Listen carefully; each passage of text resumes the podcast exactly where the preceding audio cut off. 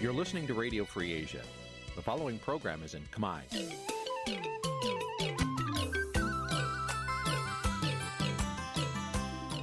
នេះជាកម្មវិធីផ្សាយ Vuthu Azizi Serai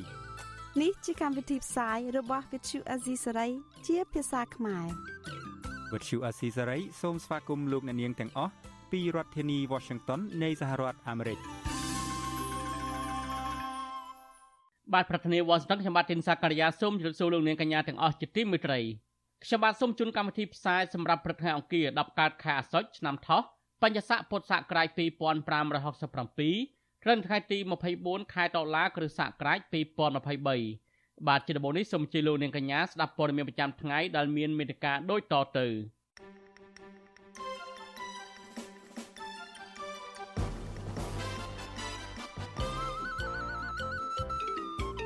សង្គមស៊ីវិលនិងអ្នកច្បាប់រិះគន់រដ្ឋាភិបាលថាប្រាយច្បាប់ស្តង់ដារ2ដើម្បីគៀបសង្កត់លើសម្លេងប្រឆាំងមន្ត្រីបកប្រឆាំងលោកចៅវាសនាធ្លាក់ខ្លួនឈឺនៅក្នុងពន្ធនាគារខេត្តបន្ទាយមានជ័យនិវិភាននយោបាយថានយោបាយឆ្នះឆ្នះរបស់លោកហ៊ុនសែនផ្ទុយពីស្មារតីនៃកិច្ចព្រមព្រៀងសន្តិភាពទីក្រុងប៉ារីស តុលាការខេត្តបាត់ដំបងក៏ហៅតំណាងសហគមន៍ដីធ្លី3នាក់ឲ្យចូលបំភ្លឺរឿងប៉ះពាល់កម្មសិទ្ធិទ្រព្យសម្បត្តិសាធារណៈរួមនឹងព័ត៌មានសំខាន់សំខាន់មួយចំនួនទៀតបាទលោកនាយកទីមេត្រីជាបន្តទៅខ្ញុំបាទទីនសាករិយាសូមជូនព័ត៌មានពិស្ដាអ្នកច្បាប់និងមន្ត្រីអង្គការសង្គមស៊ីវិលរិទ្ធគុណរដ្ឋាភិបាលថាកំពុងតែអនុវត្តច្បាប់ស្តង់ដារ2ដើម្បីគៀបសង្កត់ដាក់សម្ពាធលើសម្លេងប្រឆាំង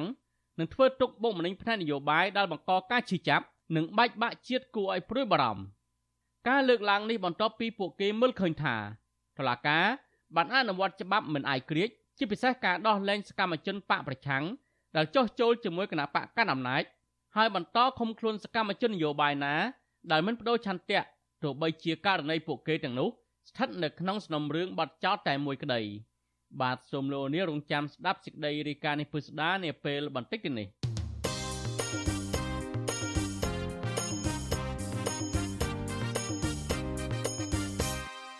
បាទលោកនាយកទីមេត្រីតកតងនឹងរឿងនយោបាយឈ្នះឈ្នះរបស់លោកហ៊ុនសែនវិញនិវិភាននយោបាយលើកឡើងថាលោកហ៊ុនសែនមិនគួរមានមោទនភាពចំពោះនយោបាយឈ្នះឈ្នះ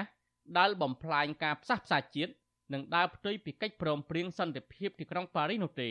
អ្នកខ្លោមើលស្ថានភាពនយោបាយអះអាងថាតាមរយៈការធ្វើនយោបាយឈ្នះឈ្នះរបស់លោកហ៊ុនសែនមិនត្រឹមតែធ្វើឲ្យជាតិបែកបាក់តែប៉ុណ្ណោះទេក៏ប៉ុន្តែក៏ធ្វើឲ្យកម្ពុជាបាត់បង់ទឹកដីផងដែរ និវិភាននយោបាយអះអាងថានយោបាយឈ្នះឈ្នះរបស់លោកហ៊ុនសែនធ្វើឡើងក្នុងគោលបំណងដើម្បីពង្រឹងអំណាចរបស់លោកហ៊ុនសែនក្រុមគ្រួសារនិងបកពួករបស់លោកតែប៉ុណ្ណោះនិវិភាននយោបាយលោកកំសុកលើកឡើងថាទោះបីជាលោកហ៊ុនសែនតែងតែលើកពីគុណសម្បត្តិរបស់ខ្លួនអំពីការបញ្ចប់សង្គ្រាមស៊ីវិលនៅកម្ពុជា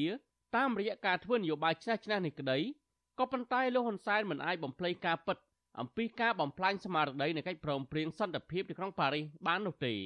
លោកបន្តថាតាមរយៈការធ្វើនយោបាយឆ្នះឆ្នះរបស់លោកហ៊ុនសែននេះមិនត្រឹមតែគម្រាមធ្វើតំបន់អបគមបំបែករដ្ឋដើម្បីបានទូនាទីជានាយករដ្ឋមន្ត្រីទី2ប៉ុណ្ណោះទេក៏ប៉ុន្តែលោកក៏បានធ្វើរដ្ឋប្រហារបង្ហូរឈាមដណ្ដើមអំណាចពីអតីតនាយករដ្ឋមន្ត្រីទី1គឺសម្ដេចក្រមព្រះនរោត្តមរណរដ្ឋកាលពីឆ្នាំ1597ផងដែរ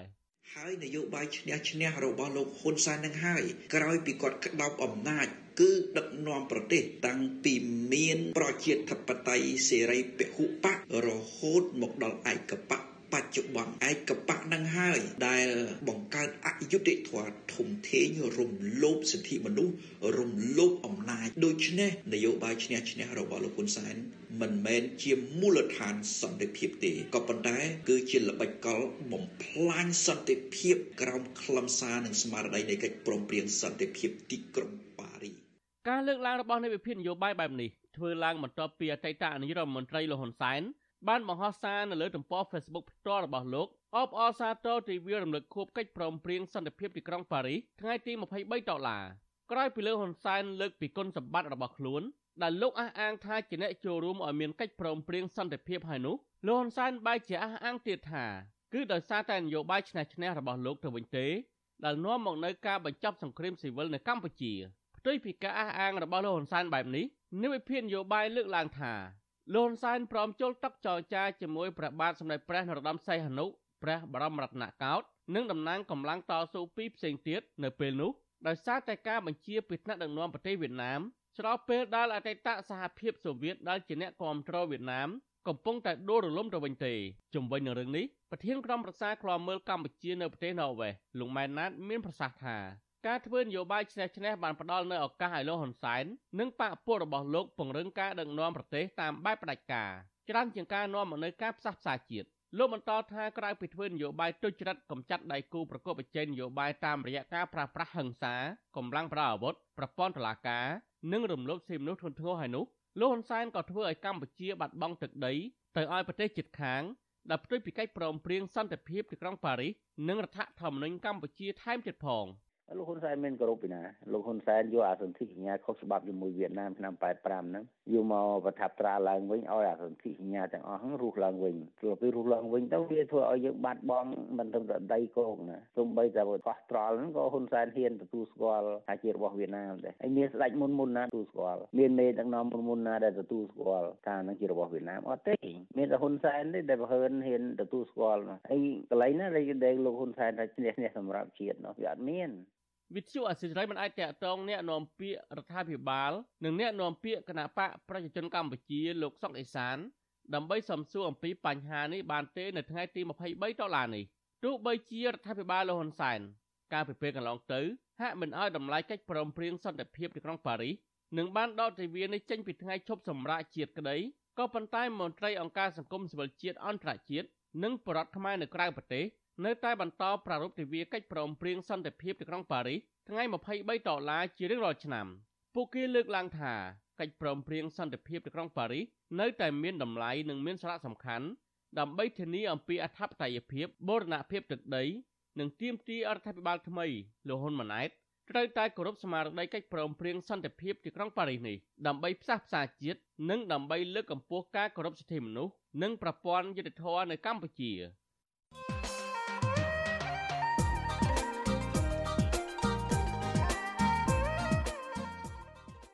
បាទលោកនេះទីមួយត្រីគណៈបកនយោបាយក្រៅរដ្ឋាភិបាលរួមមានគណៈបកភ្លឹងទៀនគណៈបកប្រជាធិបតេយ្យមូលដ្ឋាន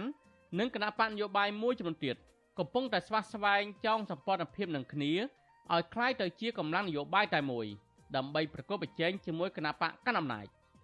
តើគណៈបកក្រៅរដ្ឋាភិបាលដែលមាននិន្នាការប្រជាធិបតេយ្យនេះអាចចងសម្ព័ន្ធនឹងភាពនឹងគ្នាឲ្យคล้ายជាកម្លាំងនយោបាយតែមួយបានយូរអង្វែងដែរឬទេ បាទសូមលោកនាងរងចាំទស្សនានីតិវិទ្យាអ្នកស្ដាប់វិទ្យុអាស៊ីសេរីនៅយប់ថ្ងៃអង្គារនេះដែលនឹងជជែកអំពីបញ្ហានេះកុំបីខានបើសិនជាលោកនាងមានសំណួរចង់សួរវិក្កាមរបស់យើងឬចង់បញ្ចេញមតិយោបល់សូមលោកនាងដាក់លេខទូរស័ព្ទនៅក្នុងខ្ទង់ comment Facebook YouTube របស់វិទ្យុអាស៊ីសេរីដែលកំពុងផ្សាយនៅពេលនេះក្រុមការងាររបស់យើងនឹងហៅទៅលោកនាងវិញបាទសូមអរគុណ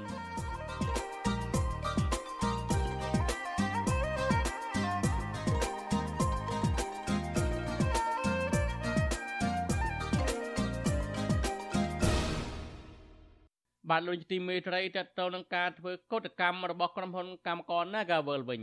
ក្រុមកោតក្រ Nagavel ភ ieck ច្រើនជាស្ត្រីដែលតែងតែចេញតវ៉ាដើម្បីឲ្យថកែ Nagavel ដោះស្រាយបញ្ហាវិវាទការងារបានលះបង់ពេលវេលាទ្រព្យសម្បត្តិនិងសេចក្តីសុខផ្ទាល់ខ្លួន ដើម្បីការពារសិទ្ធិការងារនិងសិទ្ធិមនុស្ស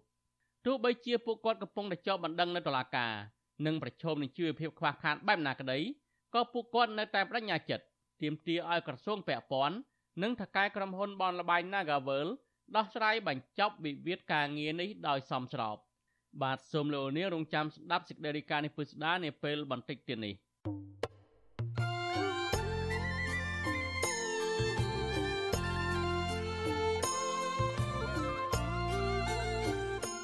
បាទលោកនាងទីមេត្រីវិទ្យុអសិរ័យផ្សាយតាមរលកធាតុអាកាសខ្លីតាមកម្រិតនិងកម្ពស់ដូចតទៅនេះពេលព្រឹកចាប់ពីម៉ោង5កន្លះដល់ម៉ោង6កន្លះ តាមរយៈប៉ុស SW 12.14 MHz ស្មើនឹងកម្ពស់ 25m និងប៉ុស SW 13.71 MHz ស្មើនឹងកម្ពស់ 22m ពេលយប់ចាប់ពីម៉ោង7កន្លះដល់ម៉ោង8កន្លះតាមរយៈប៉ុស SW 9.33 MHz ស្មើនឹងកម្ពស់ 32m ប៉ុស SW 11.88 MHz ស្មើនឹងកម្ពស់ 25m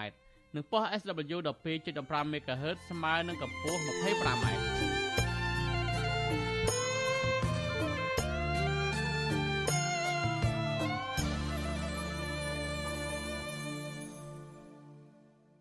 បាទលោកនីតិមិត្តរីតកតងនឹងសាច់ញាតិគណៈបកប្រឆាំងដែលកំពុងជាប់ឃុំនៅខេត្តបន្ទាយមានជ័យឯនោះវិញសាច់ញាតិអះអាងថាតៃតមន្ត្រីគណៈបកប្រឆាំងនៅក្រុងប៉ោយប៉ែតគឺលោកចៅវាសនាធ្លាក់ខ្លួនឈឺនៅក្នុងពន្ធនាគារខេត្តបន្ទាយមានជ័យប៉ុន្តែមន្ត្រីពន្ធនាគារមិនអនុញ្ញាតឲ្យលោកទៅព្យាបាលនៅមន្ទីរពេទ្យខាងក្រៅពន្ធនាគារនោះឡើយមន្ត្រីអង្គការសង្គមស៊ីវិលចាត់ទុករឿងនេះថា ជាការអនុវត្តច្បាប់ស្តង់ដារ2និងជាការរំលោភសិទ្ធិជនជាប់ឃុំ បាទពីរដ្ឋធានីវ៉ាស៊ីនតោនលោកនៅវណ្ណរិនរាយការណ៍ព័ត៌មាននេះសាច់ញាតិលោកចៅវាសនាព្រួយបារម្ភពីសុខភាពរបស់មន្ត្រីបកប្រឆាំងរូបនេះដែលមានវ័យកាន់តែចាស់កំពុងធ្លាក់ខ្លួនឈឺនៅក្នុងពន្ធនាគារអាចនឹងគ្រោះថ្នាក់ដល់អាយុជីវិតប្រសិនបើមិនបញ្ជូនគាត់ទៅព្យាបាលនៅមន្ទីរពេទ្យខាងក្រៅពន្ធនាគារទាន់ពេលនោះទេចៅសង្កាត់រងទី2នៃសង្កាត់ប៉ោយប៉ែតដែលជាកូនស្រីបង្កើតរបស់លោកចៅវាសនា គឺអ្នកស្រីចៅរតនៈ ប្រាប់វិទ្យុអាស៊ីសេរីនៅថ្ងៃទី23តុលាថាឪពុកអ្នកស្រី មានជំងឺទល់លាមកជាច្រើនថ្ងៃមកហើយហើយពិបាកទទួលទានអាហារនិងគេងមិនលក់អ្នកស្រីបន្ថែមថាលោកចៅវាសនាសាច់ញាតិនិងអង្គការសង្គមស៊ីវិលបានស្នើសុំមន្ត្រីពន្ធនាគារជាច្រើនដងមកហើយដើម្បីឲ្យឪពុកលោកស្រី មកព្យាបាលនៅមន្ទីរពេទ្យខាងក្រៅក៏ប៉ុន្តែមន្ត្រីពន្ធនាគារបដិសេធ អ្នកស្រីបារម្ភអំពីសុខភាពរបស់ឪពុកខ្លួនប្រសិនបើនៅតែពន្យាពេលស្ថានភាពជំងឺនឹងវិវត្តទៅកាន់ភាពធ្ងន់ធ្ងរហើយមិនអាចព្យាបាលបានគឺគាត់ប្រឈមនឹងជំងឺច្រើនប៉ះពាល់ដល់សុខភាពគាត់អញ្ចឹងឧទាហរណ៍ថាមានការអីចាំបាច់ភ្លាមភ្លាមខ្ញុំមិនខ្ញុំមិនប្រកាសថាខាងធនាគារពន្ធនាគារហ្នឹង អាចមានទំនួលខុសត្រូវទៅលើសុខភាពសុខភាពរបស់គាត់ទេដោយសារតែមិនពន្លឿននឹងការព្យាបាលនិងពិនិត្យទៅកាន់គាត់បានភ្លាមភ្លាមណាបងប្រធានប្រតិបត្តិគណៈបកភ្លើងទៀនក្រុងប៉ោយប៉ែតលោកចៅវាសនា មានដើមកំណើតខ្មែរក្រោមត្រូវបានអាជ្ញាធរខេត្តបន្ទាយមានជ័យចាប់បញ្ជូនទៅឃុំក្នុងពន្ធនាគារខេត្តនេះកាលពីថ្ងៃទី25ខែកក្កដាកន្លងទៅតុលាការបានចោទប្រកាន់លោកចៅវាសនា ពីបទញុះញង់ឲ្យប្រព្រឹត្តអំពើឧក្រិដ្ឋជាអាតនិងញុះញង់ឲ្យមានការរើសអើងពាក់ព័ន្ធនឹងការចូលរួមយុទ្ធនាការអំពាវនាវឲ្យពលរដ្ឋគូសខ្វែងសញ្ញាឆ្នោតតាមបណ្ដាញសង្គម Telegram ក្នុងពេលបោះឆ្នោតជាតិកាលពីខែកក្កដាឆ្នាំ2023ក៏ប៉ុន្តែលោកចៅវាសនា បានច្រានចោលការចោទប្រកាន់នេះលោកចៅវាសនាធ្លាប់ត្រូវបានតុលាការខេត្តបន្ទាយមានជ័យកាត់ទោសជាប់ពន្ធនាគារម្ដងរួចមកហើយ ពីបទញុះញង់នឹងបានចេញពីពន្ធនាគារវិញ កាលពីដើមឆ្នាំ2022បន្ទាប់ពីលោកបានអនុវត្តទោសគ្រប់ចំនួន រយៈពេល5ឆ្នាំពេញ នៅក្នុងពន្ធនាគារវិទ្យុអាស៊ីសេរីមិនអាចតាក់ទងប្រធានពន្ធនាគារខេត្តបន្ទាយមានជ័យលោកអឹងស៊ីផានដើម្បីសុំការឆ្លើយតបជុំវិញសំណើនេះបាននៅឡើយទេ នៅថ្ងៃទី23ខែតុលា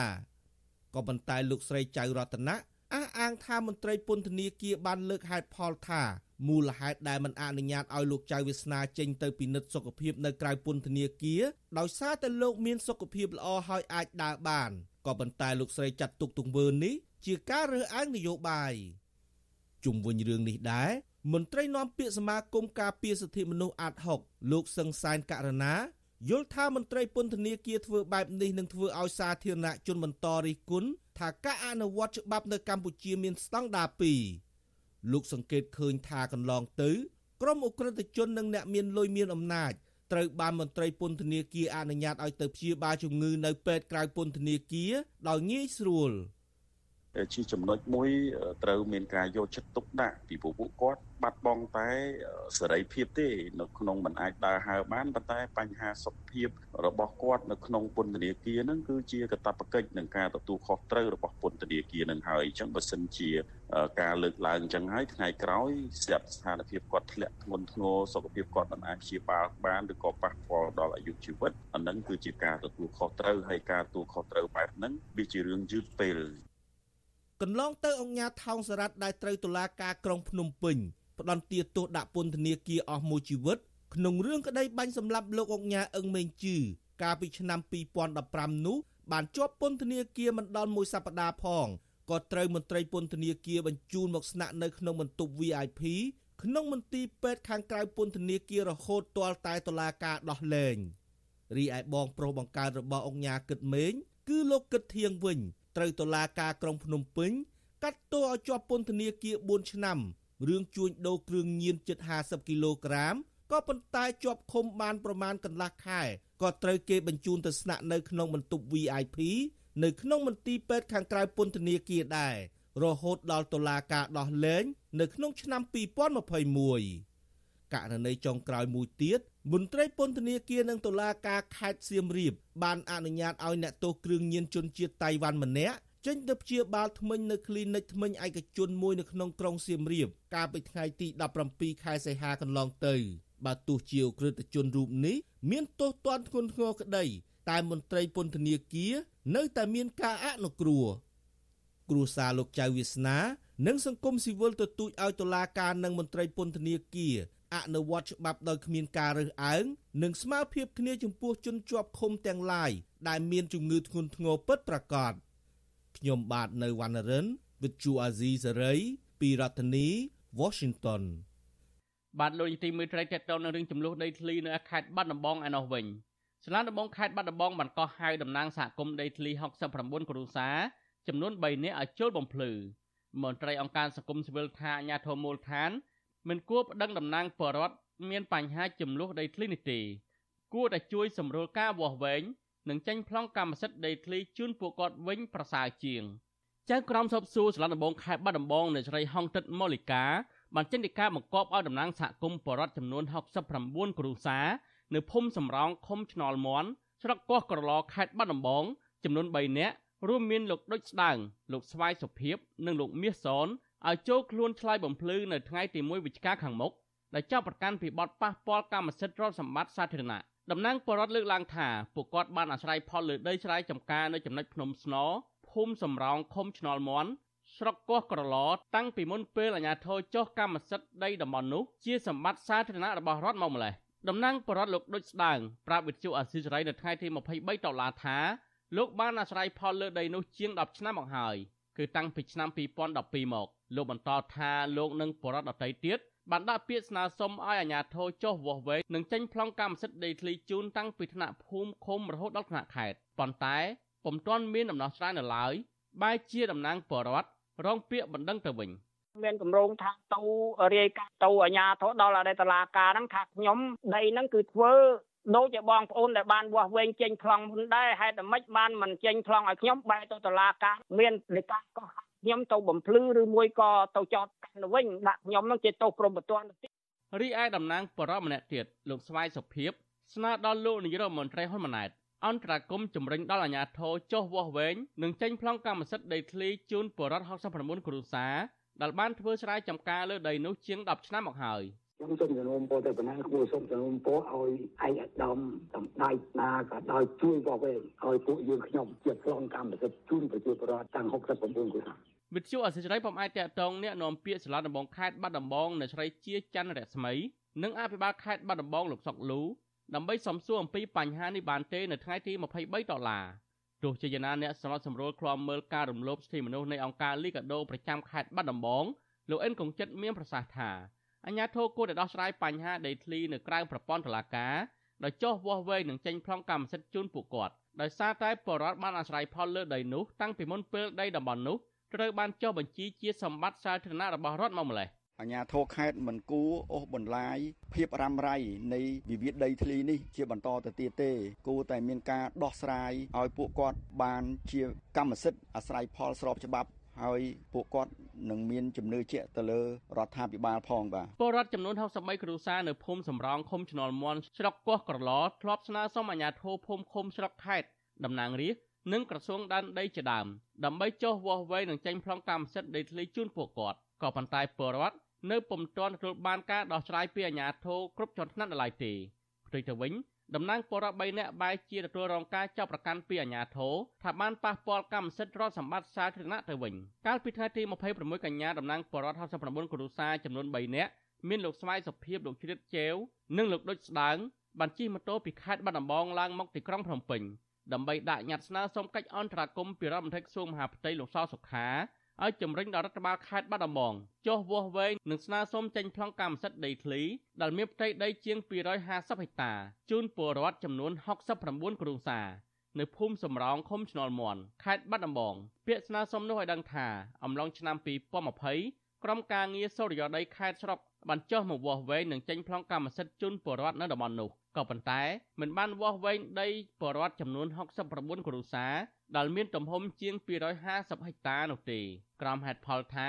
មិនមានឈ្មោះត្រឹមត្រូវដើម្បីវាស់វែងទោះបីជាពលរដ្ឋចំនួន69គ្រួសារបានតវ៉ាឲ្យវាស់វែងក៏ដោយក៏ក្រុមការងារសូរិយោដីខេត្តស្រុកមិនបានវាស់វែងដីឲ្យនោះដែរទោះជាយ៉ាងនេះក្តីតំណាងបរដ្ឋនិងមន្ត្រីអង្គការសង្គមស៊ីវិល ទទូចដល់អាជ្ញាធរឲ្យដោះស្រាយវិវាទដីធ្លីនៅក្រៅប្រព័ន្ធតុលាការនិងចាត់ឲ្យមានក្រុមអ្នកជំនាញចុះទៅវាស់វែងនិងចេញប្លង់កម្មសិទ្ធិដីធ្លីជូនពួកគាត់ដោយបរដ្ឋលើកឡើងថាដីធ្លីគឺជាអាយុជីវិតរបស់ពួកគាត់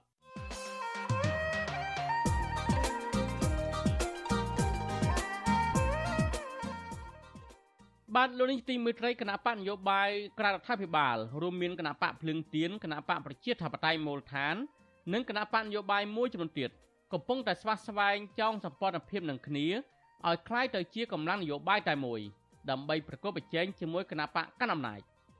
តើគណៈបកក្រដ្ឋាភិបាលដែលមាននិន្នាការប្រជាធិបតេយ្យនេះអាចចងសម្ព័ន្ធនឹងភាពនឹងគ្នាឲ្យคล้ายជាកម្លាំងនយោបាយតែមួយបានយូរអង្វែងដែរឬទេបាទសូមលោកនាងរងចាំទស្សនានីតិវិទ្យាអ្នកស្ដាប់វិទ្យុអាស៊ីសេរីនៅយប់ថ្ងៃអង្គារនេះដែលនឹងជជែកអំពីបញ្ហានេះកុំបីខាន បើសិនជាលោកនាងមានសំណួរចង់សួរវាគ្មិនរបស់យើងឬចង់បញ្ចេញមតិយោបល់សូមលោកនាងដាក់លេខទូរស័ព្ទនៅក្នុងខ្ទង់ comment Facebook YouTube របស់វិទ្យុអាស៊ីសេរីដែលកំពុងផ្សាយនៅពេលនេះក្រុមការងាររបស់យើងនឹងហៅទៅលោកនាងវិញបាទសូមអរគុណ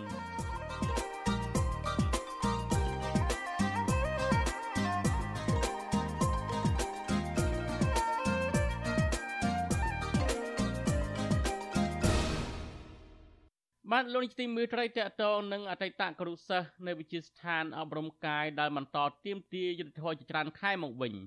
អតីតគ្រូសិស្សមួយរូបនៅតែបន្តទៀមទារយុទ្ធធរពីក្រសួងអប់រំយុវជននិងកីឡា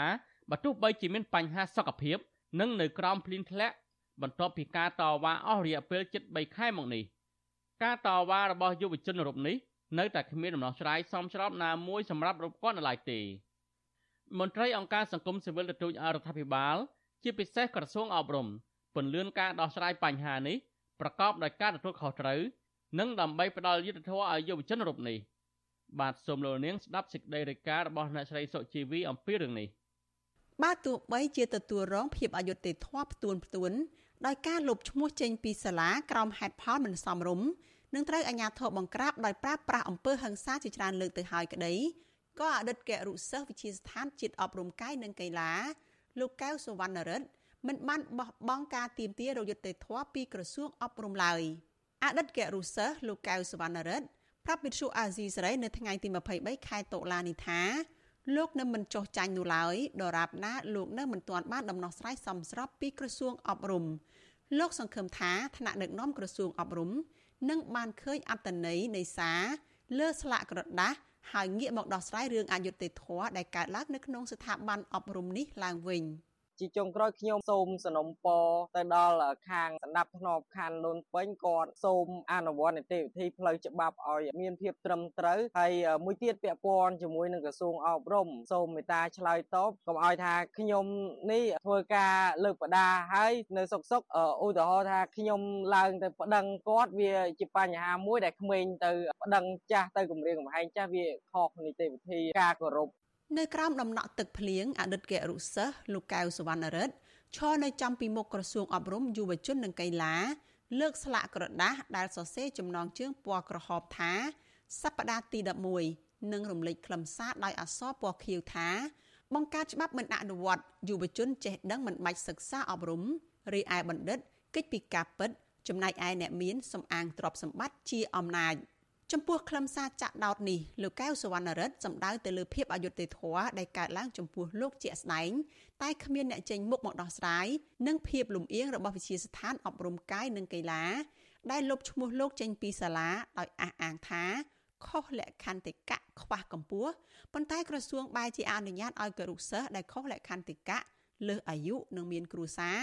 អាចចុះឈ្មោះចូលរៀនបានទៅវិញស្របពេលដែលយុត្តិធម៌នៅមិនទាន់មាន អតីតគរុសិស្សលោកកៅសវណ្ណរិទ្ធបែរជាត្រូវទទួលរងអំពើហិង្សាបណ្ដាលឲ្យមានបញ្ហាត្រចៀកនិងត្រូវបាត់បង់ការងារនៅកន្លែងឯកជនមួយផងដែរ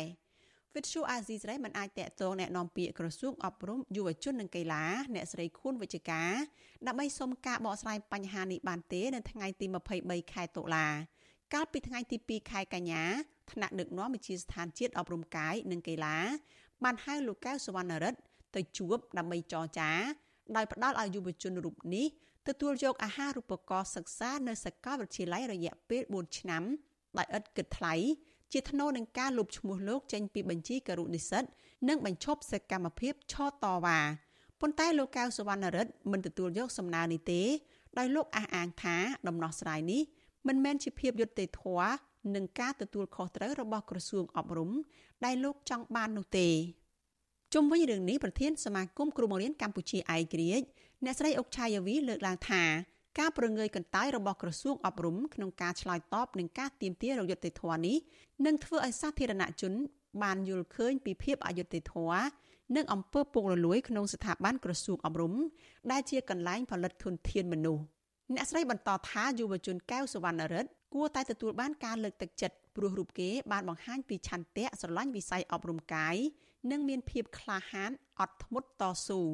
ក្រសួងអប់រំជាក្រសួងមួយដែលបញ្ជាក់ពីការពិតហើយជាក្រសួងដែលធ្វើឲ្យមហាជនក៏ដូចជាប្រទេសជាតិនឹងប្រសើរឡើងក៏ដោយសារតែការចេះដឹងនឹងការចូលរួមរបស់ក្រសួងនឹងថាអាចនឹងដោះស្រាយយុវជននឹងម្នាក់នឹងបានមិនគួរណាទុកឲ្យគាត់បដែតបដោយរាប់ខែរាប់អីចឹងទេគួរតែដោះស្រាយឆាប់ឆាប់ទៅដើម្បីមុខមាត់ប្រទេសជាតិទាំងមូលផងចា៎ កាលពីថ្ងៃទី9ខែតុលាអាជ្ញាធរខណ្ឌដូនពេញនៅក្នុងឯកសណ្ឋានស៊ីវិលបានចាប់ទាញរុញច្រានលោកកៅសវណ្ណរិទ្ធបញ្ចូលទៅក្នុងរថយន្តនៅក្នុងពេលលោកកំពុងឈរស្រែកតវ៉ានៅខាងមុខក្រសួងអប់រំ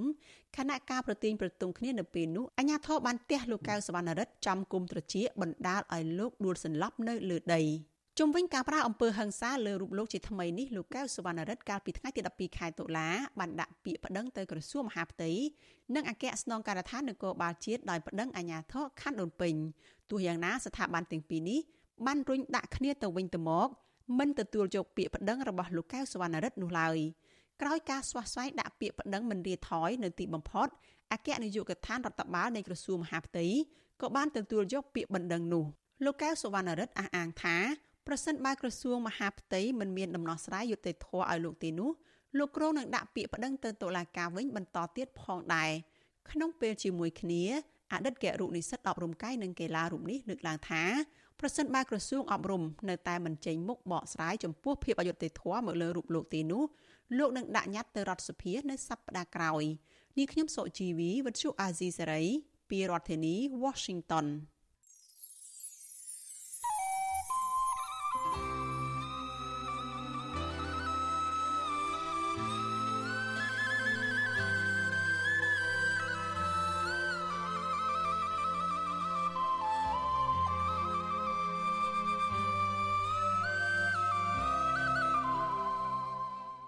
បាទលោកនាយកទីមេត្រីអ្នកច្បាប់និងមន្ត្រីអង្គការសង្គមស៊ីវិលរិះគន់រដ្ឋាភិបាលថាកំពុងតែអនុវត្តច្បាប់ស្តង់ដារ2ដើម្បីគៀបសង្កត់ដាក់សម្ពាធលើសម្លេងប្រឆាំងធ្វើទុកបុកម្នេញផ្នែកនយោបាយដែលបង្កការឈឺចាប់និងបំបែកបំបាក់ជាតិគួរឲ្យព្រួយបារម្ភការលើកឡើងនេះបន្ទាប់ពីពួកគេមើលឃើញថាតឡាការបានអនុវត្តច្បាប់មិនអាយក្រិចជាពិសេសការដោះលែងសកម្មជនគណបកប្រឆាំងដែលចោះចូលជាមួយគណបកកាន់អំណាច ហើយបន្តឃុំខ្លួនសកម្មជននយោបាយណាដែលមិនបដូរឆន្ទៈទោះបីជាពួកគេទាំងនោះស្ថិតនៅក្នុងសំណុំរឿងឬបទចោទតែមួយក្តីបាទសូមលោកនាងស្ដាប់សេចក្តីរាយការណ៍របស់លោកជីវិតាអំពីរឿងនេះដូចតទៅបើទោះជារដ្ឋធម្មនុញ្ញកម្ពុជាតម្រូវឲ្យតុលាការឯករាជ្យឥតលំអៀងក៏ដោយក៏ស្ថាប័នផ្ដល់យុតិធធគ្រប់ជាន់ថ្នាក់មួយនេះត្រូវបានអង្គការសិទ្ធិមនុស្សជាតិនិងអន្តរជាតិមើលឃើញថា ជាឧបករណ៍នយោបាយរបស់គណៈបកកាន់អំណាចសម្រាប់ដាក់សម្ពាធលើអ្នកនយោបាយបកប្រឆាំងនិងអ្នករិះគន់រដ្ឋាភិបាលអ្នកសិក្សាផ្នែកច្បាប់លោកវ៉នចាន់ឡូតលើកឡើងថាប្រព័ន្ធយុតិធធបច្ចុប្បន្នដើរផ្ទុយពីគោលការណ៍នីតិរដ្ឋដោយមិនបានធានានៅសិទ្ធិស្មើគ្នានៅចំពោះមុខច្បាប់នោះទេ លោកបន្ថែមថាប្រទេសដែលយកច្បាប់ធ្វើជាឧបករណ៍នយោបាយគឺមេដឹកនាំគៀបសង្កត់អ្នករិះគន់បំបត្តិសិទ្ធិសេរីភាពរបស់ពលរដ្ឋនិងបកប្រឆាំង ដើម្បីពង្រឹងអំណាចរបស់ខ្លួនក្នុងទម្រង់នេះគឺវានឹងនាំឲ្យសង្គមនោះ មានការបែកបាក់ឯកភាពជាតិធ្វើឲ្យសង្គមនោះទទួលរងនៅអយុត្តិធម៌ឬក៏ជាសង្គមដែលអ្នកធំអ្នកខ្លាំងតែងតែឈ្នះអ្នកខ្សោយអ្នកតូចគេអត់និយាយអំពីយុទ្ធធរទេម្ល៉េះហើយវាធ្វើឲ្យប្រព័ន្ធយុទ្ធធរអត់មានទេប្រព័ន្ធយុទ្ធធរគឺបែងចែកស្រដៀងគ្នានេះដែរ ប្រធានក្រុមអ្នកច្បាប់អមរិនលោកមេធាវីសុកសំអឿនមានប្រសាសន៍ថាការដោះលែងអ្នកជាប់ឃុំដែលជាអ្នកនយោបាយបកប្រឆាំងដែលប្រកាសចុះចូលជាមួយបកកាន់អំណាចប៉ុន្តែបន្តឃុំខ្លួនអ្នកមិនព្រមចុះចូលគឺបង្ហាញពីប្រព័ន្ធយុតិធធកម្ពុជា ស្ថិតក្រោមឥទ្ធិពលរបស់អ្នកនយោបាយលោកមើលឃើញថាការអនុវត្តច្បាប់មានស្តង់ដារពីរបែបនេះនឹងធ្វើឲ្យសង្គមរីកដុះដាលនៅអំពើអយុត្តិធម៌បែកបាក់សាមគ្គីជាតិ ជាពិសេសពលរដ្ឋបាត់បង់ជំនឿលើប្រព័ន្ធតុលាការនិងចំណាត់ការរបស់រដ្ឋតឡាការយើងអញ្ញាធមមានសមត្ថកិច្ចក្តីជាសមាជិកគណៈបកនយោបាយតែអញ្ចឹងទៅគឺការកាត់សេចក្តីឬក៏ការធ្វើការរបស់គាត់វាលំអៀងទៅរកបកគាត់ដែរអញ្ចឹងណាបាទប្រសិនដូច្នេះប្រសិនបើការអនុវត្តច្បាប់នឹងបានតឹងប្រឹងមិនធ្វើឲ្យស្ថាប័នទាំងអស់នោះឯករាជ្យអភិប្រទេសវាប្រកាសជាការសម្រេចនឹងវាលំអៀងតាមបកហើយវាចង់ចង់គឺវាអញ្ចឹង លោកមេធាវីសុកសំអឿនបញ្ជាក់ថាដើម្បីឲ្យប្រព័ន្ធយុតិធធម៌លែងនៅក្រោមអ្នកនយោបាយតទៅទៀតនោះគឺចៅក្រមមិនត្រូវជាសមាជិកគណៈបកនយោបាយហើយគណៈបកនយោបាយមិនត្រូវជ្រៀតជ្រែកទៅក្នុងកិច្ចការរបស់ឧត្តមក្រុមប្រឹក្សានៃអង្គចៅក្រមនោះដែរប្រតិកម្មរបស់អ្នកច្បាប់យ៉ាងដូចនេះធ្វើឡើងបន្ទាប់មួយរយៈពេលចុងក្រោយនេះមានការរៀបចំឲ្យអ្នកជាប់ឃុំដែលជាសកម្មជនគណៈបកប្រឆាំងចុះចូលជាមួយគណៈបកប្រជាជនកម្ពុជា ជាថ្នូរនឹងការទទួលបានសេរីភាព បានក៏ក្រើកឡើងវិញ ជាក់ស្ដែង មន្ត្រីគណៈបកភ្លើងទៀនរួមមានលោកលីរី លោកថាន់ណារិន និងអ្នកស្រីវងរុននីជាដើមត្រូវបានតុលាការជួយឲ្យពួកគេរួចផុតពីការចោទប្រកាន់ឬទទួលបានការដោះលែងឲ្យមានសេរីភាពខណៈពួកគេកំពុងជាប់បទចោទនៅតុលាការឬកំពុងជាប់ឃុំនៅក្នុងពន្ធនាគារពីបទញុះញង់ឲ្យប្រជាពលរដ្ឋគូសញ្ញលឹកឆ្នោតចោលក្តី ហើយអ្នកខ្លះទៀតទទួលបានការងារក្នុងក្របខ័ណ្ឌរដ្ឋឬតួនាទីក្នុងជួររដ្ឋាភិបាលថែមទៀតផងទោះជាយ៉ាងណាតុលាការមិនបានយកករណីដែលនៅក្នុងសំណុំរឿងដូចដូចគ្នាឬបទចោទតែមួយនោះទៅអនុវត្តបែបនេះលើអ្នកជាប់ឃុំនយោបាយផ្សេងទៀតដែលពួកគេរក្សាជំហររឹងមាំមិនផ្លាស់ប្ដូរឆន្ទៈនយោបាយហើយសុកចិត្តនៅបន្តជាប់ឃុំឧទាហរណ៍ ប្រពន្ធសកម្មជនគណបកសង្គ្រោះជាតិដែលកំពុងជាប់ឃុំនៅពន្ធនាគារព្រៃសរគឺលោកស្រីទៀងចិន្តានៅតែចាត់ទុកការចាប់ខ្លួនប្តីរបស់អ្នកស្រី លោកវឿងសំណាង ដាក់គុកជិត2ឆ្នាំមកនេះគឺជាការធ្វើទុកបុកម្នេញផ្នែកនយោបាយដោយសារតែប្រព័ន្ធតុលាការមិនឯករាជ្យលោកស្រីឲ្យដឹងទៀតថា នៅក្នុងពន្ធនាគារប្តីលោកស្រីពុំដែលទទួលបានការព្យាបាលជំងឺត្រឹមត្រូវនោះទេ គឺមានតែមនុស្សមួយចំនួនតែងតែតាមបញ្ចុះបញ្ចូលអូសទាញឲ្យប្តីលោកស្រីចុះចូលជាមួយគណៈបកកាន់អំណាចដោយសន្យាជាថ្នូរនឹងការដោះលែងប៉ុន្តែប្តីលោកស្រីនៅតែរក្សាជំហររឹងមាំដដែលអឺ បាត់ចោតដូចគ្នាក៏ប្រហែលប្រហែលគ្នាតែគេបានចេញវិសាគេចុះចូលឬក៏គេរួមការងារអីចឹងទៅហើយគេបានចេញតែសម្រាប់ប្តីខ្ញុំគាត់អត់គាត់នៅតែខាងចំហគាត់គាត់អត់ព្រមចុះចូលគេទៅគេនៅតែបន្តដាក់សំណុំរឿងថ្មីថ្មីខ្ញុំអត់ដឹងថាគេនឹងបន្ថែមពីបទរឿងអីថែមទៀតឲ្យគាត់ទៀតទេដោយសារគាត់នៅតែចំហរឹងមាំដដែលអញ្ចឹងណាបងជាមួយគ្នានេះដែរ ប្រពន្ធប្រធានចលនាយុវជនថ្នាក់ជាតិនៃគណៈបកភ្លើងទៀនដែលកំពុងជាប់ឃុំ គឺលោកស្រីថៃចន្ទធូរៀបរាប់ថាតុលាការក្រុងភ្នំពេញបានផ្តន្ទាទោសប្តីលោកស្រី គឺលោកខឿនវិរៈឲ្យជាប់ពន្ធនាគារ2ឆ្នាំដោយគ្មានកំហុសក្រោយពេលប្តីលោកស្រីពុំព្រមចុះចូលជាមួយគណៈបកកាន់អំណាចកាលនៅមានសេរីភាពមិនតែប៉ុណ្ណោះទោះបីប្តីលោកស្រីកំពុងជាប់ឃុំក្នុងពន្ធនាគារក៏ដោយចុះក៏មានអ្នកតាមអូសទាញឲ្យធ្វើលិខិតសុំទោសដើម្បីបដូរនឹងការដោះលែងដែរ តែប្តីលោកស្រីតែងតែច្រានចោលជាបន្តបន្ទាប់លោកស្រីថាច់ចន្ទធូស្នើដល់រដ្ឋាភិបាលនិងតុលាការឲ្យដោះលែងប្តីលោកស្រីរួមទាំងអ្នកទោសមនសិការទាំងអស់ដោយគ្មានសម្ពាធលក្ខខណ្ឌអ្វីទាំងអស់ទៅ យុទ្ធផលលើប្តីខ្ញុំហើយប្តីខ្ញុំអត់បានខុសអីរឿងអីទេប្តីជាគណៈខ្មែរក្រមទាំងមូលដែរគាត់ចេះឈឺចាប់ទឹកដីមកគាត់ដែរហើយដល់ពេលយើងឈឺចាប់ព្រឹងគេពីខ្មែរក្រមមួយហើយយើងទៅចោះចូលគេទៀតមានន័យថាយើងហ្នឹងតែយើងទទួលកំហុសដែលយើងបានប្រព្រឹត្តវិទ្យុអាស៊ីសេរីមិនអាចតាក់ទងអ្នកនាំពាក្យក្រសួងយុតិធធម៌លោកជិនម៉ាលីននិងប្រធានអង្គភិបអ្នកនាំពាក្យរដ្ឋាភិបាលលោកប៉ែនបូណា ដើម្បីឆ្លើយតបរឿងនេះបានទេនៅថ្ងៃទី22តុលាប៉ុន្តែអតីតនាយករដ្ឋមន្ត្រីនិងជាប្រធានគណៈបកប្រជាជនកម្ពុជាលោកហ៊ុនសែនធ្លាប់អះអាងថាអំណាចតុលាការបានដើរតួនាទីសំខាន់ក្នុងការពង្រឹងប្រសិទ្ធភាពនៃការអនុវត្តច្បាប់ហើយលោកក៏បានបញ្ជាឲ្យរដ្ឋមន្ត្រីក្រសួងយុតិធធលោកកើតរិទ្ធត្រូវក្តាប់រឿងព្រមត្តនឲ្យណែនដើម្បីចាត់ការលើអ្នកដែលលោកចោទថា ជាក្រុមជ្រុលនិយមបំផ្លាញសន្តិភាព ស្ថិរភាពនយោបាយនៅក្នុងប្រទេសក្រសួងយុតិធធក្នុងនាមជាតំណាងឲ្យរាជរដ្ឋាភិបាលនៅក្នុងឧត្តមក្រុមប្រឹក្សាចៅក្រមចាំបាច់ណាស់យើងត្រូវតែគ្រប់គ្រងនយោបាយព្រមត្តន ឲ្យរឹងមាំជាពិសេសសម្រាប់ប្រទេសរបស់យើងដែលពោពេញទៅដោយគឺថាអង្គើជ្រុលនិយមហួសហេតុដែលបន្តវត្តមាននៅកម្ពុជាដូច្នេះទាមទារឲ្យរាជរដ្ឋាភិបាលតាមរយៈក្រសួងយុទ្ធភ័ពត្រូវក្តាប់នយោបាយព្រមត្តនឲ្យជាប់ហើយចំណុចនេះមិនត្រូវមើលស្រាលទេប៉ុន្តែសម្រាប់អ្នកអត្ថាធិប្បាយនយោបាយលោកកឹមសុខវិញ អ្នកដែលជ្រុលនិយមគឺលោកហ៊ុនសែនខ្លួនឯងទៅវិញទេលោកថាអតីតនាយករដ្ឋមន្ត្រីរូបនេះ បានប្រើប្រាស់ប្រព័ន្ធតុលាការជាអាវុធចាប់សកម្មជនបរិស្ថាន អ្នកនយោបាយបកប្រឆាំងមន្ត្រីសហជីពនិងអ្នកសារព័ត៌មានដាក់គុកតាមអំពើចិត្តគិតត្រឹមខែតុលាឆ្នាំ2023នេះមានសកម្មជននយោបាយសកម្មជនសិទ្ធិមនុស្សសហជីពនិងដីធ្លីជាង40នាក់កំពុងជាប់ឃុំតុលាការបានចោទប្រកាន់ពួកគេដោយដូចគ្នាគឺពីបទរួមគំនិតក្បត់ និងញុះញង់ឲ្យមានភាពវឹកវរធ្ងន់ធ្ងរដល់សន្តិសុខសង្គមជាដើម ដែលសហគមន៍ជាតិនិងអន្តរជាតិផ្នែកសិទ្ធិមនុស្សចោទថាជាការឃុំខ្លួនមិនត្រឹមត្រូវហើយតែងតែទទូចឲ្យមានការដោះលែងពួកគេអ្នកនាំពាក្យសមាគមការពារសិទ្ធិមនុស្សអាត6លោកសង្សានករណាមានប្រសាសន៍ថារដ្ឋធម្មនុញ្ញនិងបទដ្ឋានអន្តរជាតិស្តីពីសិទ្ធិមនុស្សបានធានានូវសិទ្ធិសេរីភាពរបស់ពលរដ្ឋក្នុងការគ្រប់គ្រង និងចូលរួមជាមួយគណៈបកនយោបាយដែលពួកគេស្រឡាញ់ពេញចិត្តលោកថាសហគមន៍ជាតិនិងអន្តរជាតិតែងតែរិះគន់គណៈបកកាន់អំណាចដែលប្រើប្រាស់ប្រព័ន្ធច្បាប់ជាអាវុធដើម្បីបំបត្តិបកប្រឆាំងនិងអ្នករិះគន់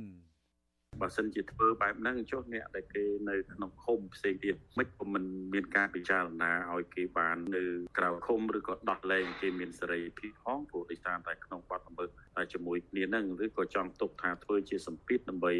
យអ្នកហ្នឹងគាត់ដូរផ្លាស់ចំហដើម្បីទៅគ្រប់គ្រងទៅលើតែគណៈបកខ្លួនហ្នឹងហើយបានជាគេរិះគន់លើភាពឯករាជ្យភាពនិងអព្យាក្រឹតភាពរបស់តុលាការនឹងឯងដែលគេតែងតែលើកឡើងថារាល់សំណុំរឿងនៃអ្នកនយោបាយសកម្មជននយោបាយមិនមែនជារឿងអនុវត្តច្បាប់ទេ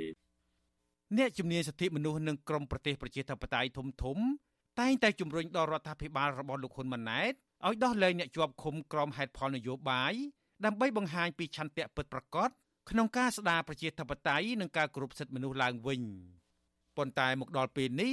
លោកហ៊ុនម៉ាណែតនៅមិនទាន់បង្ហាញជំហរដោះស្រាយបញ្ហាសំខាន់សំខាន់ដូចជាវិបត្តិនយោបាយនិងបញ្ហាប្រព័ន្ធយុតិធធម៌នៅឡើយទេ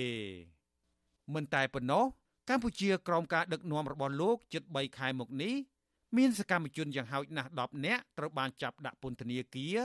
ហើយអ្នកខ្លះត្រូវបង្ខំរត់គេចខ្លួនពីការធ្វើទុកបុកម្នេញទៅជ្រកកោននៅប្រទេសជិតខាង បញ្ហានេះធ្វើឲ្យសាធារណជនចាប់ផ្ដើមរិះគន់ថារដ្ឋាភិបាលថ្មីដែលដឹកនាំដោយលោកហ៊ុនម៉ាណែតមិនខុសពីឪពុករបស់លោក គឺលោកហ៊ុនសែនប៉ុន្មានទេ ពលគឺយកប្រព័ន្ធតុលាការធ្វើជាអាវុធដើម្បីគំរាមកំហែងនិងបង្ក្រាបសម្លេងប្រឆាំងទោះជាយ៉ាងណាក្រុមអ្នកឃ្លាំមើលការគោរពសិទ្ធិមនុស្សថាវាមិនទាន់យឺតពេលនៅឡើយទេ សម្រាប់លោកហ៊ុនម៉ាណែតចាប់ប្រើប្រាស់តំណែង និងអំណាចរបស់លោកឲ្យបានត្រឹមត្រូវប្រកបដោយទស្សពិតរាជធម៌ដើម្បីប្រជាជាតិខ្មែរទាំងអស់គ្នា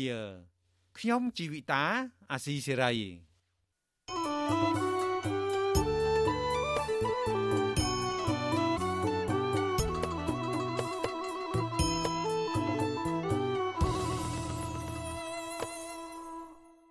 បាទលោកនាយកទីមេត្រីក្នុងឱកាសនេះដែរខ្ញុំបាទសូមថ្លែងអំណរគុណដល់លោកនាងកញ្ញាទាំងអស់ដែលតែងតែមានភក្ដីភាពចំពោះការផ្សាយរបស់យើងហើយចាត់ទុកការស្ដាប់វិទ្យុអាស៊ីរីជាផ្នែកមួយនៃសកម្មភាពប្រចាំថ្ងៃរបស់លោកនាងការគ្រប់គ្រងរបស់លោកនាងនេះហើយដែលធ្វើឲ្យយើងខ្ញុំមានទឹកចិត្តកាន់តែខ្លាំងថែមទៀតក្នុងការស្វែងរកនិងផ្តល់ព័ត៌មានជូនលោកនាងមានអ្នកស្ដាប់មានអ្នកទស្សនាកាន់តែច្រើនកាន់តែធ្វើឲ្យយើងខ្ញុំមានភាពស្វាហាប់មោះមុតជាបន្តទៅទៀតយើងខ្ញុំសូមអរគុណទុកជាមុន ហើយសូមអញ្ជើញលោកនាងកញ្ញាចូលរួមជំរុញឲ្យសកម្មភាពផ្តល់ព័ត៌មានរបស់យើងនេះកាន់តែជោគជ័យបន្ថែមទៀតលោកនាងអាចជួយយើងខ្ញុំបានដោយគ្រាន់តែចុចចែករំលែកឬ share ការផ្សាយរបស់យើងនៅលើបណ្ដាញសង្គម Facebook និង YouTube ទៅកាន់មិត្តភ័ក្តិដើម្បីឲ្យការផ្សាយរបស់យើងបានទៅដល់មនុស្សកាន់តែច្រើន សូមអរគុណ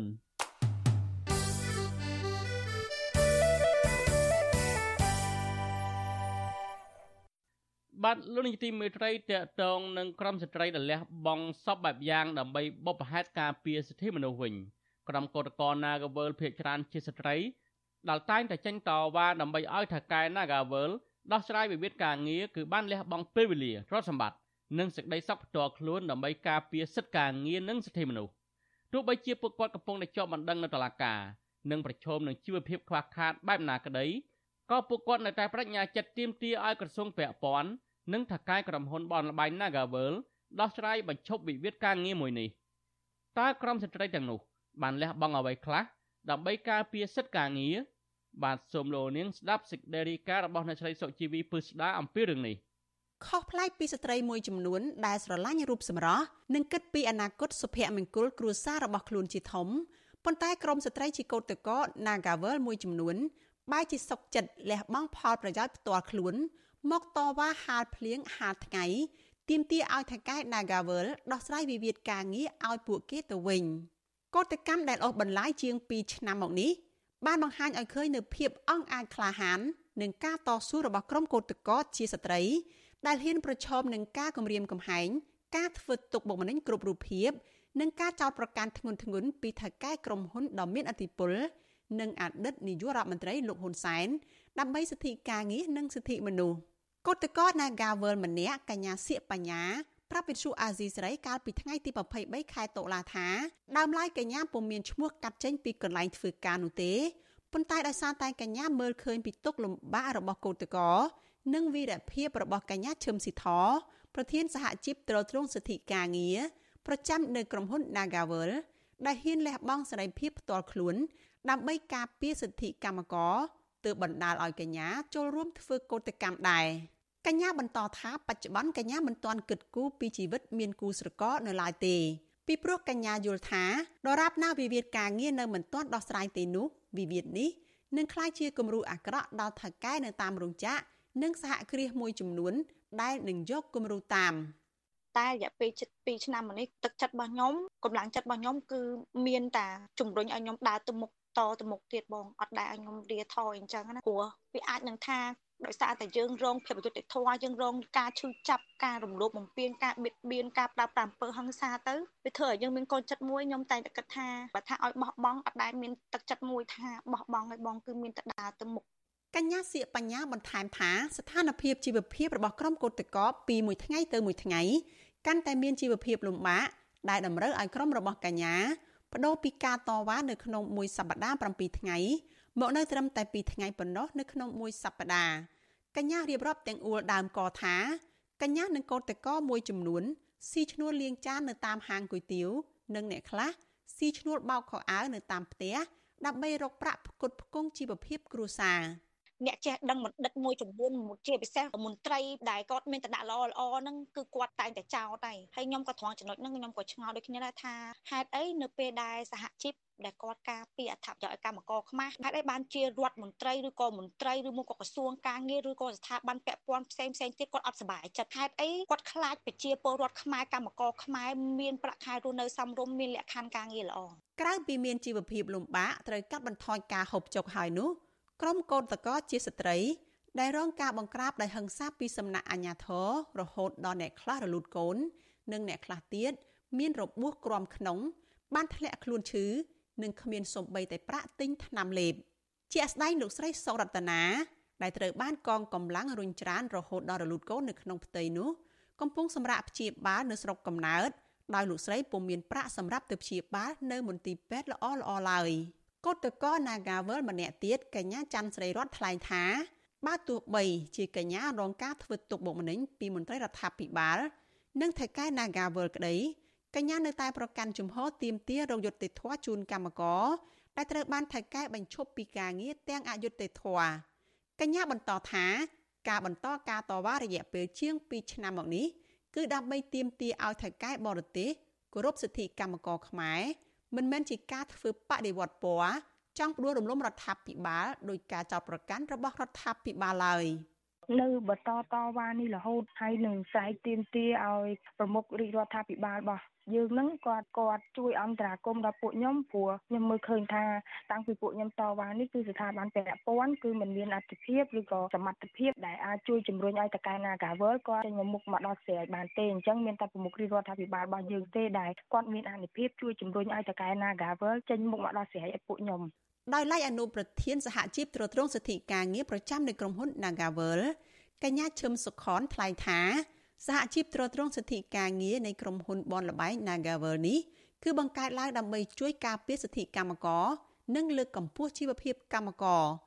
កញ្ញាសោកស្ដាយដែលរដ្ឋាភិបាលតែងបន្ទាបតម្លៃស្ត្រីកោតកោដោយប្រៀបប្រដូចទៅនឹងមេរោគចង្រៃនៅក្នុងសង្គមនិងជាក្រុមបំពុលសង្គមដោយគ្រាន់តែពួកគេទាមទារសិទ្ធិស្របច្បាប់តែប៉ុណ្ណោះ។ ពេលដែលអត់មានវត្តមានសហជីពអញ្ចឹងបុគ្គលិកក្នុងនោះនឹងគាត់ប្រឈមគាត់ធ្វើការដោយទាសកលអញ្ចឹងយើងមានអារម្មណ៍ថាយើងឈឺចាប់នៅពេលដែលតកែបរទេសគេមករស់នៅក្នុងស្រុកខ្មែរយើងគេយកលុយកើបលុយពីយើងទៅរាប់លានគេធ្វើការរស់ស៊ីឡើង20ឆ្នាំគេខ្លាយជាមហាសេដ្ឋីហើយយើងធ្វើការ20ឆ្នាំជាងដូចគេដែរអ្នកខ្លះរយតផ្ទះឲ្យបានរស់នៅសមរម្យនឹងអត់មានផងបងខ្លោចចិត្តណាអូន ការទៀមទីឲ្យថៅកែ Nagavel ដោះស្រាយវិវាទការងារនេះហើយដែលធ្វើឲ្យថៅកែ Nagavel ចោទប្រកាន់ក្រុមកោតតកចំនួន9នាក់ពីបទរំលោភលំនៅឋានធ្វើឲ្យខូចខាត មានស្ថានទម្ងន់ទោសនិងចាប់ឃុំឃាំងនិងបង្ខាំងដោយខុសច្បាប់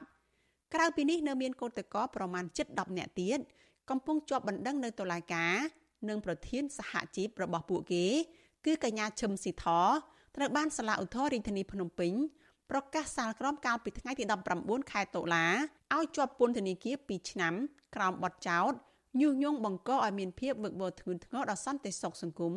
ដោយការសម្រេចរបស់សាលាដំបងរាជធានីភ្នំពេញដែរតែកតិនបញ្ហានេះប្រធានសហព័ន្ធសហជីពចំណីអាហារនិងសេវាកម្មកម្ពុជា អ្នកស្រីអ៊ូតេប៉ាលីនមានប្រសាសន៍ថាការលះបង់របស់ក្រមស្ត្រី Nagawal គឺជាការលះបង់មួយ ដែលពលរដ្ឋខ្មែរគួរតែគោរពនិងផ្ដល់តម្លៃពីព្រោះពួកគាត់ បានលះបង់សេរីភាពផ្ទាល់ខ្លួនដើម្បីការពារសិទ្ធិមនុស្សអ្នកស្រីបន្តថាមិនចម្លែកទេ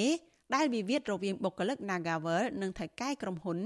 នៅតែគ្មានដំណោះស្រាយនេះដោយសារតែរដ្ឋាភិបាលចេញមុខការពារផលប្រយោជន៍ឲ្យថៃកែក្រុមហ៊ុន។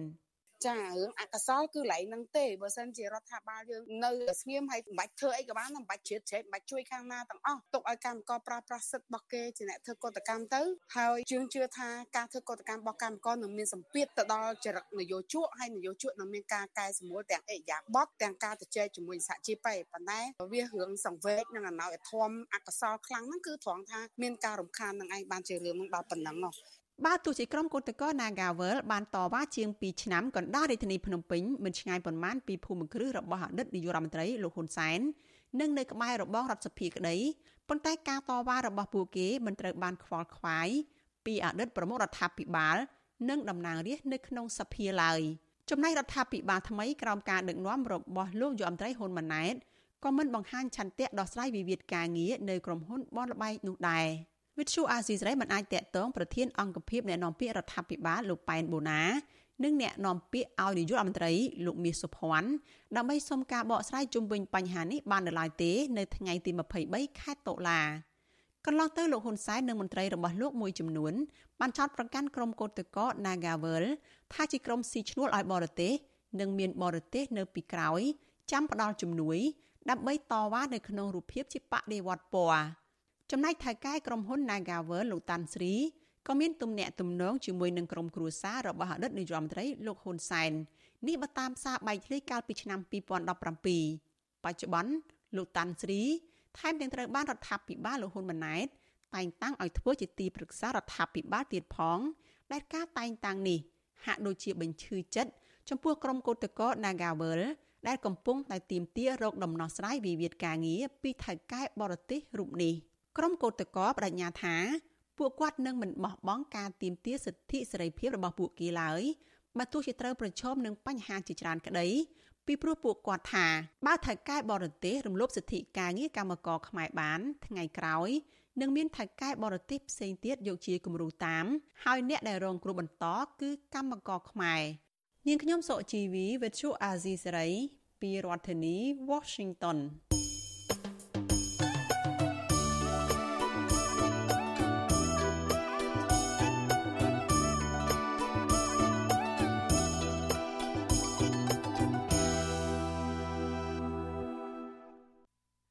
បាទលោកនាយទីមេត្រីតកតងនឹងបរដ្ឋខ្មែរនៅក្រៅប្រទេសវិញប្រជាពលរដ្ឋខ្មែរអូស្ត្រាលីមួយចំនួនប្រកបមុខរបរធ្វើអាជីវកម្មចំការកឡាប ជាប្រភេទក្រុមហ៊ុនខ្នាតតូចឬហៅជាភាសាអង់គ្លេសថា small business តើការងារកសិកម្មផ្នែកដាំផ្កាកុលាបមួយនេះ មានតម្លៃនិងមានទីផ្សារបែបណាដែរតើពួកគាត់ជួបការលំបាកបែបណា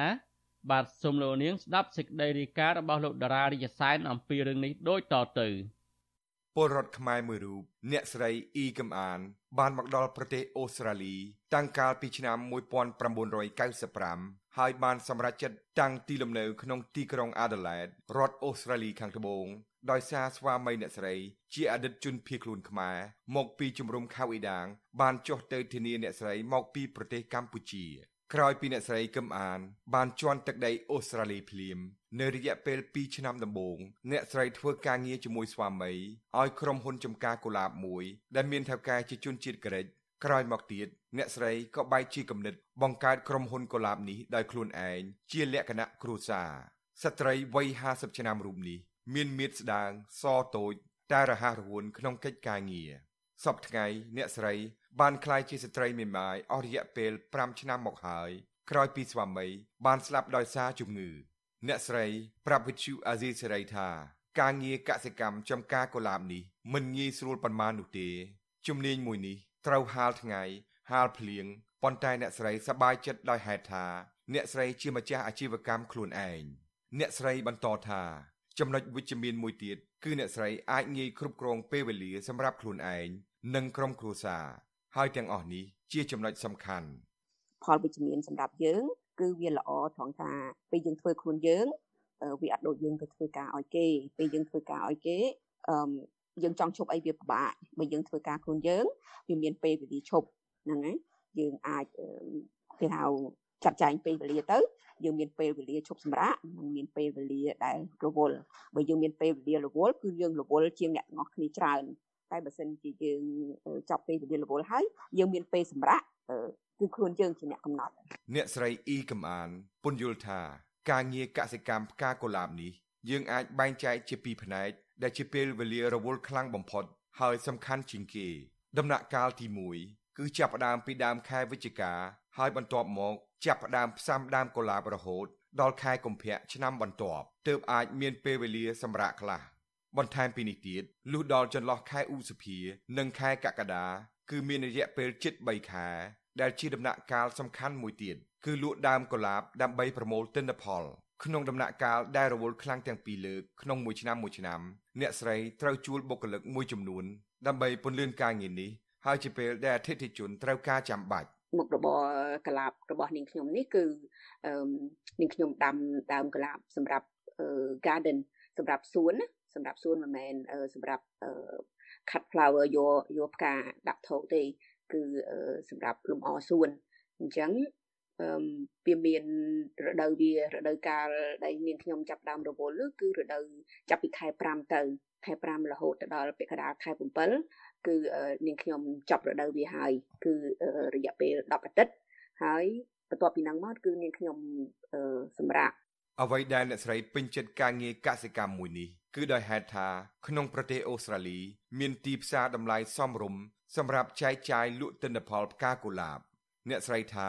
វាខុសពីប្រទេសកម្ពុជា ដែលទីផ្សារទិន្នផលដូចជាដំណាំស្រូវឬទិន្នផលផ្សេងផ្សេងទៀតមានតម្លៃថោកឬគ្មានទីផ្សារផ្ទុយពីប្រទេសអូស្ត្រាលីមិនថាប្រភេទដំណាំអ្វីក៏ដោយក៏មានទីផ្សារលក់ចេញជានិច្ច ចៅបើសិនជាយើងធៀបជាស្រុកយើងវាវាផ្ទុយស្រឡះពីគ្នាដោយសារស្រុកយើងពេលណាយើងបង្កើនបានផលិតផលបានមកហើយយើងពិបាកនឹងរកទីផ្សារចឹងណាប៉ុន្តែនៅប្រទេសគេបើសិនជាយើងបានផលិតផលហើយយើងនឹងមានទីផ្សារគេមិនអោយវាថាវាទៅតាមទីផ្សារគេមិនដាក់តម្លៃយើងទៀបឬក៏ដាក់តម្លៃស៊ីសងនឹងមាត់ទេ ហ្នឹងណាទៅតាមស្តង់ដារគេគេរត់ទៅតាមប្រាក់កម្រៃទៅតាមនឹងដែរគេអត់មានគិតដូចយើងស្រុកយើងទេ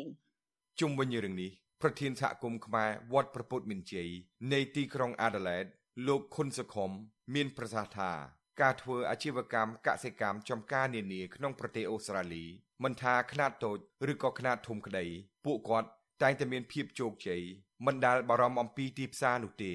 លើសពីនេះតម្លៃកសិផលមានកម្រិតខ្ពស់ស័ក្តិសមទៅនឹងកម្លាំងពលកម្មម្យ៉ាងទៀតអ្នកដែលប្រកបអាជីវកម្មកសិកម្មមានភាពធូរធារនិងទទួលបានប្រាក់ចំណូលច្រើនជាងអ្នកដែលធ្វើការឲ្យក្រុមហ៊ុនដទៃផ្សេងៗលោកខុនសខុមបន្តថាក្នុងប្រទេសអូស្ត្រាលី ជាទូទៅសម្រាប់អ្នកដែលធ្វើការងារជាបុគ្គលិកធម្មតាក្នុងក្រុមហ៊ុនអ្វីមួយប្រាក់ខែមានកម្រិតត្រឹមតែ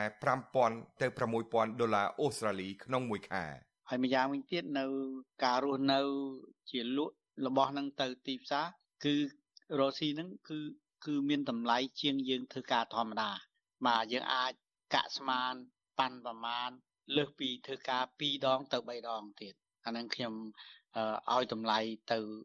ផ្លូវហ្នឹងតា2ទៅ3ដងបាទមិនមិនស្មើនឹងអ្នកធ្វើការទេអត់ទេអត់ទេបាទបើយើងលក់ទៅស្មើនឹងអ្នកធ្វើការរស់ស៊ីស្មើនឹងអ្នកធ្វើការ គេអត់ធ្វើទេបាទគេអត់ធ្វើគេសុកចិត្តទៅធ្វើការវិញល្អជាងទោះជាយ៉ាងណាត្បិតតែអ្នកស្រីអ៊ីកំអានមុំមានញឹកយ៉ាងណាក្តីអ្នកស្រីនៅតែព្យាយាមចែកពេលវេលា ជួយកិច្ចការងារសង្គមផ្សេងផ្សេងក្នុងទីក្រុងដែលអ្នកស្រីកំពុងរស់នៅ ក្នុងអាដាលេដនៃប្រទេសអូស្ត្រាលីរដ្ឋខាងត្បូង អ្នកស្រីមិនអាចបំភ្លេចដើមកំណើតជាខ្មែរនោះទេទោះបីមានជីវភាពធូរធារបែបស្តង់ដារខ្ពស់លំដាប់ប្រទេសជឿនលឿនក្តីតែអ្នកស្រីអាណិតអាសូរដល់ពលរដ្ឋខ្មែររាប់លាននាក់គ្មានការងារធ្វើនិងមានជីវភាពក្រីក្រក្នុងនាមខ្ញុំជាកូនខ្មែរម្នាក់បិទថាខ្ញុំមករស់នៅប្រទេសអូស្ត្រាលីចារយៈពេល70ឆ្នាំហើយក៏ដោយក៏ខ្ញុំមិនដែលភ្លេច កំណើតខ្ញុំជាជនជាតិខ្មែរចាខ្ញុំជាសាច់ឈាមខ្មែរទោះជាខ្ញុំមករស់នៅក្នុងប្រទេសនេះដែលមានគេហៅថាប្រទេសសេរីចាការនិយាយស្ដីគឺផ្ដល់សិទ្ធឲ្យពេញលេញយ៉ាងណាក៏ដោយក៏នាងខ្ញុំមិនភ្លេចប្រទេសកំណើតរបស់ខ្លួន នាងខ្ញុំតែងតែចូលជួយដល់សង្គម ពលរដ្ឋខ្មែរអូស្ត្រាលីដែលមកតាំងទីលំនៅក្នុងប្រទេសនេះតាំងពីដើមទសវត្សរ៍80មកទល់នឹងបច្ចុប្បន្ននេះអ្នកខ្លះមានវ័យចន្លោះពីអាយុ40ឆ្នាំរហូតដល់ជាង65ឆ្នាំពលរដ្ឋខ្លះទៀតប្រកបមុខរបរកសិកម្មជាប្រចាំជីវិតដោយមានកម្មសិទ្ធិដីធ្លីផ្ទាល់ខ្លួនជាច្រើនហិកតាសមល្មមធ្វើចំការលក្ខណៈគ្រួសារក្តីហើយមានអ្នកខ្លះទៀតក៏មានឱកាសបើកអាជីវកម្មខ្នាតធំធំក៏មាន អ្នកប្រកបមុខរបរកសិកម្មចំការក្នុងទីក្រុងអាដាលេដរដ្ឋអូស្ត្រាលីខាងត្បូងមានប្រមាណ30គ្រួសារខ្ញុំដារ៉ារីជសែន with you អាស៊ីសេរីទីក្រុង Adelaide